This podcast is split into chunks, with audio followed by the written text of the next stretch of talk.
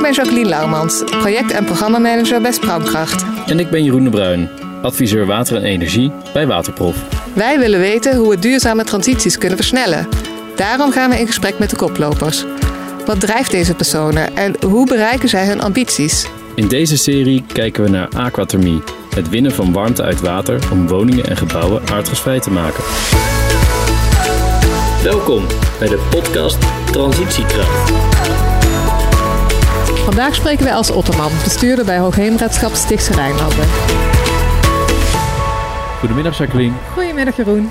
Het is alweer onze laatste podcastaflevering en we staan vandaag in Utrecht uh, aan het Merwede-kanaal bij een uh, koffietentje.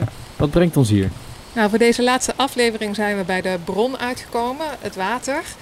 Um, het waterschap is uh, beheerder van het oppervlaktewater, maar ook van het afvalwater. En daarom kon het waterschap natuurlijk niet ontbreken in deze serie over aquathermie.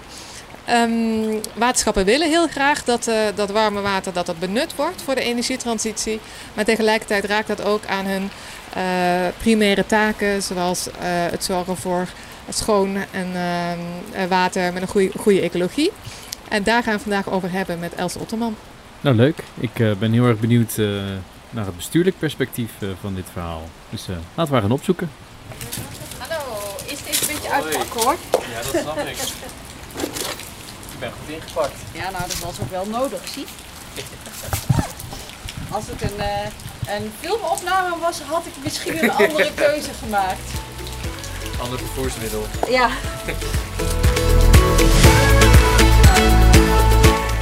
Els, welkom. Ja, dankjewel. Leuk om hier te zijn. Ja, ja superleuk. En we staan hier naast het uh, Merwede-kanaal uh, met jou als waterschapsbestuurder. En voor wie nou niet zo goed weet wat een waterschap doet, hoe zorgen jullie voor zo'n water als het Merwede-kanaal? Nou, het Merwede-kanaal is dan wel weer een beetje een bijzondere situatie, want dat is een, uh, een, een watergang, zo noemen wij een, ja, een water. Uh, die in eigendom is van Rijkswaterstaat, maar waar wij het waterkwaliteitsbeheer hebben. Maar er zijn ook heel veel watergangen in deze regio waar wij als waterschap voor zorgen. Dan zowel over de kwantiteit, de hoeveelheid, uh, de oevers, uh, de waterkwaliteit, van alles. maar deze is dan weer een bijzondere. Jij bent heemraad. Dat is hoogheemraad. Oh, sorry, je, je bent hoogheemraad zelf. Dat klinkt nog beter. En is dat net zoiets als een, uh, een wethouder, een college van BMW? Ja, precies. Ik uh, zeg ook vaak, uh, ik ben een soort van wethouder van het waterschap. En hoe ziet een werkdag van een hoogheemraad precies uit? nou, vooral heel veel overleggen en vergaderen en stukken lezen. Het klinkt heel saai, maar dat valt best mee. En toevallig uh, had ik vandaag, uh, ben ik vanochtend naar uh, een onderzoek geweest over bloemrijke dijken bij de Universiteit van Nijmegen. Mm -hmm. We staan niet voor niks hier aan het Merwedekanaal. Hier verderop is ook een bouwkavel. Daar komen een paar duizend woningen en we hopen dat die verwarmd kunnen worden uit het water van het Merwedekanaal. Wat vind jij daar als waterschapper van? Nou ja, daar word ik ontzettend enthousiast van. Uh, we hebben als uh, waterschappen nu in de afgelopen jaren, uh, niet alleen wij als Stichtse Rijnlanden, maar alle waterschappen. En ook samen met de Unie van Waterschappen. heel erg nou ja, een ambassadeursrol voor dat aquathermie opge, opgepakt. En ook onderzoeken gedaan. Wat is nou de potentie van aquathermie voor het verwarmen in Nederland van huizen? En ja, dat is best indrukwekkend. Uh, dus ja, wij proberen dat te stimuleren en gemeenten uh, ook te stimuleren om uh, dit mee te nemen als nou ja, met hun warmtetransitie bezig zijn. Want het is ook nog eens een techniek die, die weinig, nou ja, die iemand zei van het is een allemansvriend. want ja, met windmolens is veel weerstand tegen, zonnepanelen op het veld, zeg maar. nou, dat komt, gaat ten koste van de landbouwgrond. En aquathermie, ja, daar lijkt niemand last van te hebben. Uh, lijkt, zeg je. En tegelijkertijd weten wij natuurlijk ook dat het best wel lastig is voor een waterbeheerder. En jullie doen het in dit geval samen met uh, Rijkswaterstaat ook.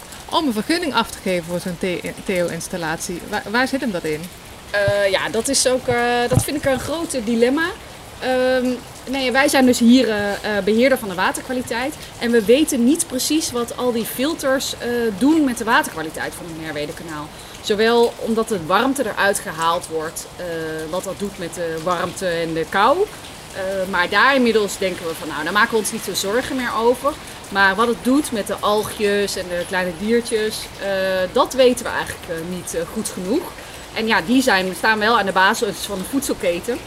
Hmm. dus als je die allemaal eruit filtert, bij wijze van spreken, ja, dan, dan gaat het niet goed met de waterkwaliteit.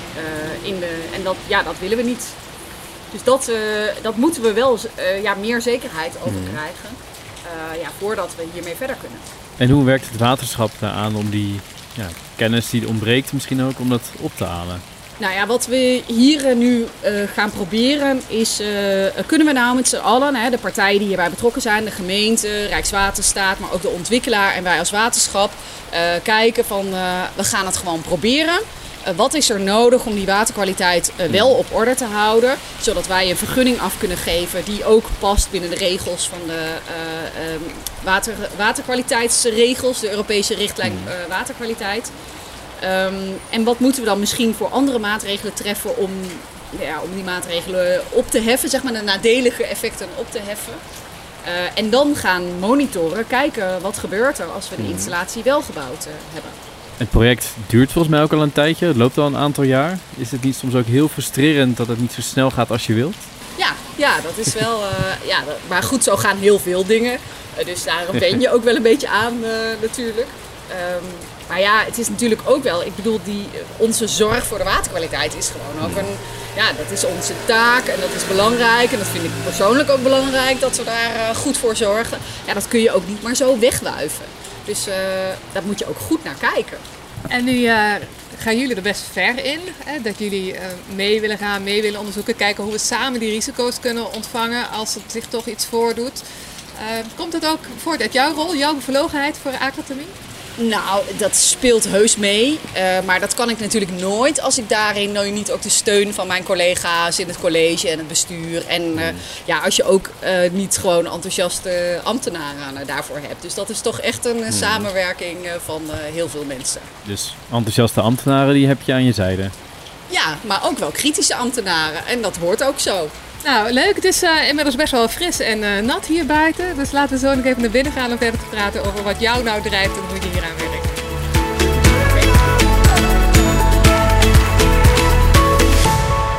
Het leek ons leuk om uh, het gesprek binnen te beginnen met de doorgeefvraag die wij vorige week hebben gekregen, of in de vorige aflevering hebben gekregen van Mimi Ilman. Um, daar gaan we nu even naar luisteren. Nou, ik ben heel benieuwd. Um als je als bestuurder uh, van een waterschap uh, verantwoordelijk bent voor de veiligheid hè, van ons systeem. Uh, en als je ziet in de berichtgeving hoe de klimaatverandering ons dagelijks leven aan het bereiken is, dan ben ik heel benieuwd waar Els wakker van ligt. waar lig ik wakker van? Nou, dat gaat inderdaad wel over klimaatverandering en vooral ook wat dat zal gaan doen met West-Nederland. Uh, ook wel het hoge, de hogere zandgronden met het droogte maakt me ook zorgen over. Maar mijn eerste primaire zorg gaat toch wel over West-Nederland en met de zeespiegelstijging en de gigantische hmm. hoosbuien die, die we waarschijnlijk kunnen verwachten. Uh, ja, kunnen we dat allemaal eh, bolwerken in deze delta onder zeeniveau? En uh, we hebben best nog wel tijd, denk ik, om ons aan te passen in de komende tientallen uh, jaren om dat te doen. Maar dan moeten we nu wel echt andere keuzes gaan maken. En ja, uh, gaan we dat ook echt doen? Dat is uh, mijn uh, zorg. Uh, want uh, nou ja, stel dat we dat niet doen, dan uh, vrees ik een beetje van, hè, dan gaan de investeerders verliezen het geloof in, in hmm. Nederland als land om in te investeren. De mensen die het zich kunnen permitteren trekken allemaal naar Duitsland of naar een hoger deel van Nederland. En de mensen die het zich niet kunnen permitteren, die blijven achter. en dan dat we niet meer gaan investeren in het drooghouden van hmm. West-Nederland. Dat is wel een grote zorg en ook een drijfveer voor mij om te zorgen dat we dus wel actie gaan ondernemen. Denk uh, dat we echt nog wel uh, de tijd uh, hebben om dingen anders aan te pakken. Maar ja, dan moeten we het nu wel anders gaan doen. En dat kan ook heel veel brengen, denk ik. Daar kunnen we ook het land heel mooi van maken en heel prettig leefbaar. Maar dan moeten we het wel echt met z'n allen aanpakken. Ja, mooi. En herkenbaar denk ik ook, in ieder geval voor mij. Dat het land, dat, om het mooier te gaan maken, hoe ziet dat toekomstbeeld er voor jou uit? Nou, in ieder geval vanuit mijn perspectief met voldoende ruimte voor water en dan ook nou ja, een aan water gerelateerde natuur. Hè. Van oudsher is natuurlijk in Nederland, in onze delta, ook de natuur die de grootste waarde heeft. Altijd een natuur die gekoppeld is aan water. Ehm, dus uh, nou ja, met, met in ieder geval heel veel ruimte voor water om uh, dat op te kunnen vangen op het moment dat, uh, dat er flinke hoosbuien zijn. En daarnaast nou ja, allerlei woningen die klimaatbestendig zijn, die, die ofwel drijven of die nou ja, zo overstromingsgevoelig zijn of overstromingsbestendig zijn. nou ja, zoals je bijvoorbeeld in Hamburg in, in het havengebied ziet. Ja, dat soort uh, dingen. Met ook veel ruimte voor, uh, voor natuur en een hele robuuste uh, systeem. Mooie toekomst. Veel water gerelateerd inderdaad. En dat past ook wel. En jij klinkt heel gedreven om hier aan te werken. En waarom heb je ervoor gekozen om dat bij een waterschap in het bestuur te doen? Uh, nou, ik uh, kom zelf uh, uit de ruimtelijke ordening. Ik ben, heb al altijd adviseur geweest in leefomgevingsbeleid. en ik heb wel al heel lang gemerkt dat waterschappen en nou ja, de hele watersector in Nederland een vrij dienstbare rol had. Van nou, de ruimtelijke ordening beslist, hè, de, de algemene democratie, de gemeenten, de provincies, die beslissen wat er gebeurt. met ruimtelijke ontwikkelingen. En de waterschappen volgen met het systeem. Ja, ik denk dat in een land als Nederland, een delta onder zeeniveau, dat, je, dat het uh, ja, heel uh, goed te verklaren is dat een waterschap daar uh, nou, in ieder geval heel stevig een positie inneemt. We gaan er niet over, we hoeven de beslissingen niet te nemen, maar je kunt wel vertellen wat er vanuit water geredeneerd verstandig en onverstandig is. En dat is onze mhm. verantwoordelijkheid. En nou, dat was een van mijn drijfveren om ook bij het waterschap actief te worden. En kom je dan uh, in een bestuursrol terecht? Dat is niet waar iedereen uh, dan zomaar op die positie komt. Nee, ja, nou ja, uh, ik ben al, ik was al lang latent politieke belangstelling, zeg maar. En ja, ik heb me op een gegeven moment, dacht ik, oh, ik meld me aan als kandidaat voor, voor Water Natuurlijk, voor de, voor de waterschapsverkiezingen. Dat was in 2014, voor de verkiezingen van 2015. Nou ja, toen kwam ik op een verkiesbare plek. En uh, toen uh, nou, hadden we genoeg uh, stemmen om gekozen te worden. En in die periode dat ik in het algemeen bestuur zat, dat is vergelijkbaar met de gemeenteraad, zeg maar, vertrok een, mijn voorganger, de dagelijks bestuurder, die ging met pensioen. Hmm. Ja, toen heb ik mijn vinger opgestoken dat ik graag zijn positie in wilde nemen. En nou ja, dan ga je daar als fractie en als, als partij, uh, ja, moet daarover beslist worden. En ja, dat is mij uh, gegund geworden. En ik heb, uh, nou ja, sindsdien ben ik twee keer lijsttrekker geweest bij de verkiezingen. En opnieuw, nou ja, de grootste partij geworden. En nou ja, nu zit ik weer voor, ja, voor een periode als waterschapsbestuurder. Ehm, en je vertelde dat een van je drijfveren om bestuurder te zijn is dat je vindt dat het waterschap een stevigere rol in mag nemen in het uh, maatschappelijke debat, vooral over ruimte. Lukt dat ook? Ja, ja dat uh, doen wij heel nadrukkelijk, ja. Maar goed, dat ook daarvoor geldt, uh, dat kan alleen maar natuurlijk met steun van een heel college, van een heel algemeen bestuur. En ja, dat, dat hebben we wel voor elkaar weten te krijgen, dus dat is belangrijk. Kun je een voorbeeld geven van uh, iets uh, zoals jullie het nu doen, wat vijf jaar geleden echt nog niet zo ging? Nou, wij hebben ons uh, een paar jaar geleden bijvoorbeeld heel nadrukkelijk uitgesproken over wat wij, dat wij het onverstandig vonden om in te bouwen in Rijnenburg. maar er zijn ook wel een aantal andere ontwikkelingen waarbij we de gemeente toch heel duidelijk hebben gezegd van dit vinden wij echt een onverstandige ontwikkeling. Ik denk dat dat vijf, jaar, vijf, zes jaar geleden dat we dat niet zo snel gedaan zouden hebben. En wat gebeurt er dan in de gemeente? Uh, nou ja, uh, kijk, wij zeggen ook niet het, uh, het kan niet of het mag niet. Hè, want die hmm. positie hebben we ook niet. maar we zeggen wel dat wij het heel onverstandig vinden. En op sommige plekken, zoals in de uiterwaarden, willen we het echt niet. En nou ja, gaan we ervoor liggen tot het gaatje, zeg maar. Alleen uh, ja, als een gemeente of een provincie dan toch beslist dat ze het wel uh, doen, nou ja, dan, ja, dan, dan, kunnen we ook niet anders dan het accepteren natuurlijk. maar bijvoorbeeld bij Rijnenburg zijn we nu wel heel nadrukkelijk met zowel de gemeente als de provincie eh, in gesprek van ja, hoe kunnen we daar nou wel bouwen. Want Rijnenburg is ook nog wel, ja, daar heb je een laag deel en een hoog deel. Een deel waar veen in de grond zit en een deel waar klei in de grond zit. Nou, een deel waar klei in de grond zit, ja, daar kun je best nog bouwen. en als je maar voldoende klimaatadaptieve maatregelen neemt. Maar dat moet je dan wel doen. En op het moment dat je zegt, uh, ja, het, uh, het kan allemaal wel, maar je moet wel uh, maatregelen nemen, ja, dan word je al snel vergeten. Terwijl als je een steviger positie inneemt, um, ja, denk ik dat je serieuzer genomen wordt. Hoop ik. Hoop ik ook. Nou, merken we ook wel. Ja.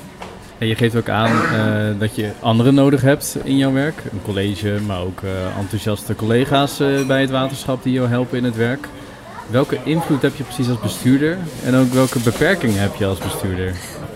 Met name dat precies is wel moeilijk. Uh... Ongeveer dan. Kijk, als bestuur uh, zet je de lijnen uit. als je begint aan zo'n periode zoals nu, we hebben een coalitieakkoord waarin ja, we de koers uitzetten van wat we belangrijk vinden. Dat we, nou ja, voor ons is dan uh, zaken als biodiversiteit en inderdaad uh, zijn hele belangrijke dingen, duurzaamheid. Dus ja dan, ja, dan probeer je dat zo goed mogelijk in het coalitieakkoord te krijgen. Ehm, en ja, over alles wat over geld gaat, uh, heeft, gaan we natuurlijk als bestuur. Maar ja, in de dagelijkse praktijk moeten alle ambtenaren. Ja, wij zijn natuurlijk maar met zes dagelijks bestuurders. En we hebben 600 ambtenaren. Die moeten uiteindelijk het grootste deel van het werk doen. Mhm. dus ja, daar. maar goed, je zet al wel de lijnen uit. Je stelt het geld beschikbaar. Je geeft prioriteiten aan uh, ja, wat je belangrijk vindt en wat je minder belangrijk vindt. En dat maakt natuurlijk wel uit wat er in de organisatie gebeurt. Een van mijn de, waarom ik politieke belangstelling kreeg, was ook wel omdat ik in het verleden wel eens ehm, bij, uh, toen ik cursussen gaf, ging toen nog over cultuurhistorie, maar dat ik wel hoorde van, ja, ik wil wel, maar mijn wethouder wil niet. En dat je wel denkt van, hmm, dus daar, uh, je moet wel op zo'n positie zitten om, ja. om te beslissen wat er gebeurt. Hè? Als, ehm, ja. Maar goed, het is niet alles. En je kunt het echt niet uh, alleen. En ook zo'n ontwikkeling als aquatermie. Uh, ja, als waterschap uh, kunnen wij dat mm. stimuleren en, en ambassadeur voor zijn. Maar uiteindelijk is het de gemeente en de ontwikkelaar die het dan vervolgens moeten doen. En dat is hier natuurlijk ook gewoon gelukt. Ja. Dus ik wil ook voor hen graag juist de credits geven. Want dat vind ik ook heel stoer dat ze die, dat ze die mm. stap zetten. Ja. Nog even terug naar aquatomie. We hadden het net over het uh, Merwede-kanaal. En buiten vertelde u ook dat jullie zekerheden nodig hebben om de vergunning uh, af te kunnen geven. En wanneer weet je het zeker genoeg? Nou, we weten nu al dat we het niet zeker genoeg weten.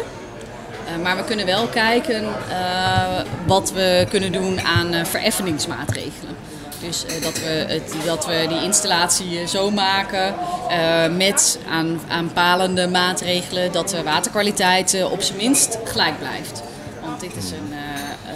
nou ja, voor de waterkwaliteit mag, ja, die mag niet achteruit gaan. Dus als we niet zeker weten of het een negatief effect heeft, dan moeten we andere maatregelen nemen om dat, om dat weer in balans te brengen. En heb je ook een idee van wat voor maatregelen dat zouden kunnen zijn? Dat zijn we nu aan het uh, uitzoeken. En als we, dat, uh, nou ja, als we daar een plan voor kunnen maken en als we dat ook denken dat, uh, dat die vergunning stand houdt, dan, dan willen we dat zo gaan doen. Maar nogmaals, daar is, dat weten we nog niet helemaal precies. En, ja, en, en, en het gesprek met, met de andere partijen, Rijkswaterstaat, gemeente, ontwikkelaar, moet daar ook nog over gevoerd worden. Want wij vinden wel als waterschap Kijk, wij willen niet dan uh, als enige met, uh, met de kosten en de maatregelen opgezadeld worden. Als wij nu gezamenlijk besluiten, wij zetten een stap vooruit en gaan Rijkswaterstaat en wij de vergunning geven, dan gaan we, staan we ook gezamenlijk aan de lat voor eventuele maatregelen die genomen moeten worden. En wat, jullie, wat motiveert jullie zo als waterschap om jullie in te zetten voor zo'n project? Want het kost toch best veel tijd. Uh, als ik het zo hoor. Best veel uh, energie ook. Uh, het is niet altijd makkelijk. Wat motiveert jullie om hier toch te zorgen dat dit lukt? Nou, ik denk dat we als waterschappen ook een maatschappelijke verantwoordelijkheid hebben om wat we kunnen bijdragen nou ja, aan maatschappelijke problemen met ons, met ons werk en ons water en onze dijken, dat we dat ook doen. Nou ja, de energietransitie, klimaatverandering is natuurlijk een groot probleem. Als we daar een bijdrage aan kunnen leveren, dan, dan doen we dat graag. En wij merken natuurlijk als waterschap ook als eerste de effecten van de klimaatverandering. De hoosbuien, de zeespiegelstijging, hebben we last van in ons werk.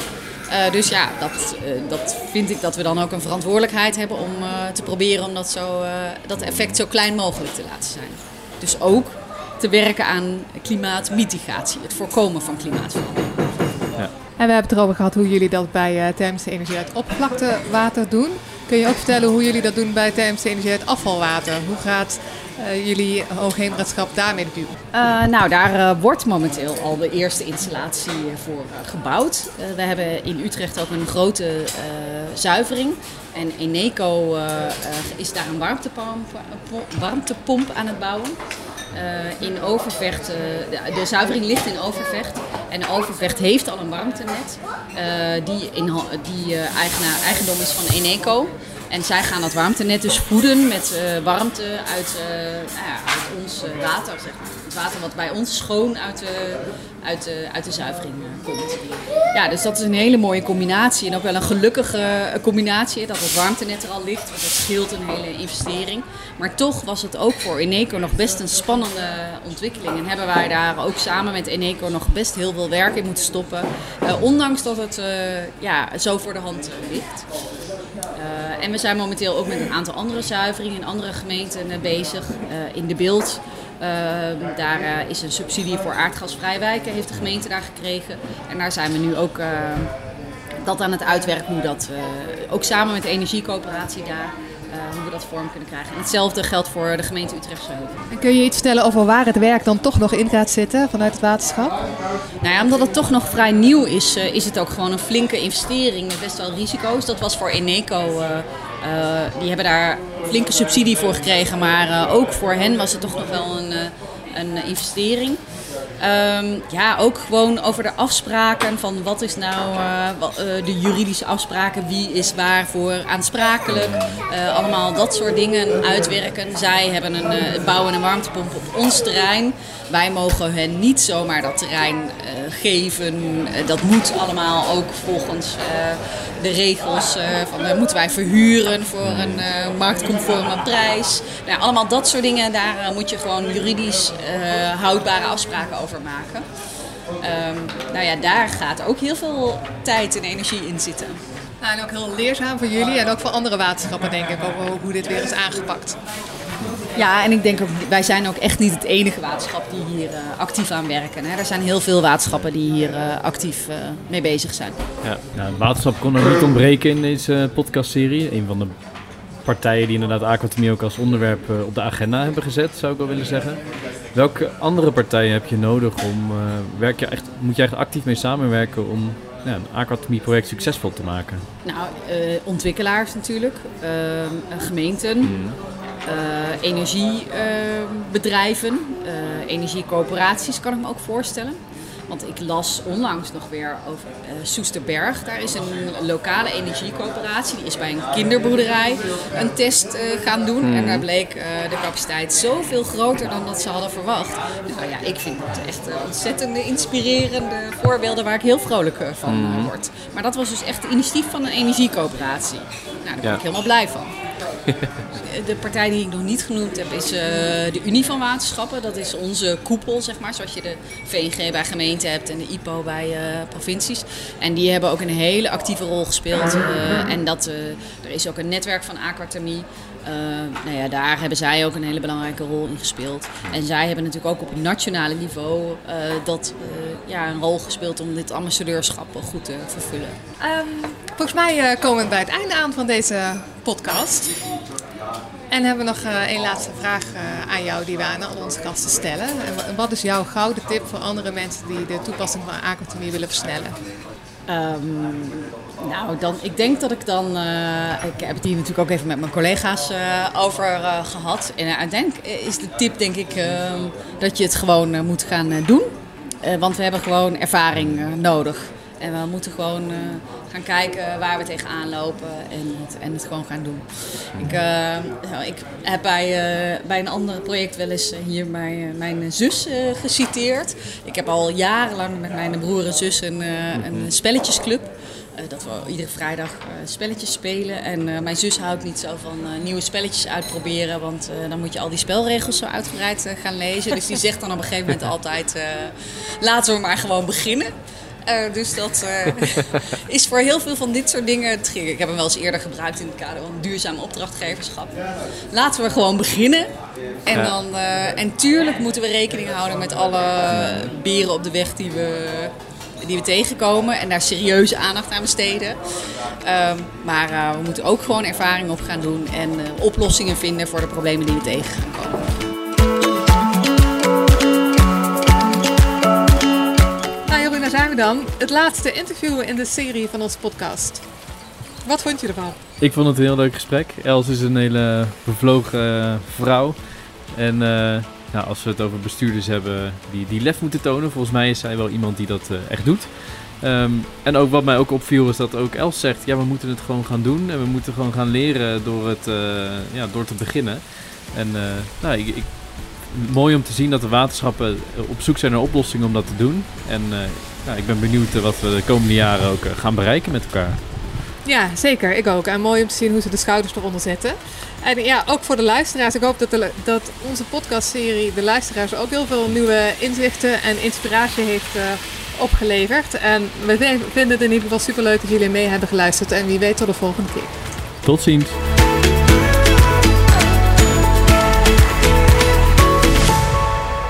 Deze podcast is gemaakt door Waterprof en Sprangkracht, verbinders in transities.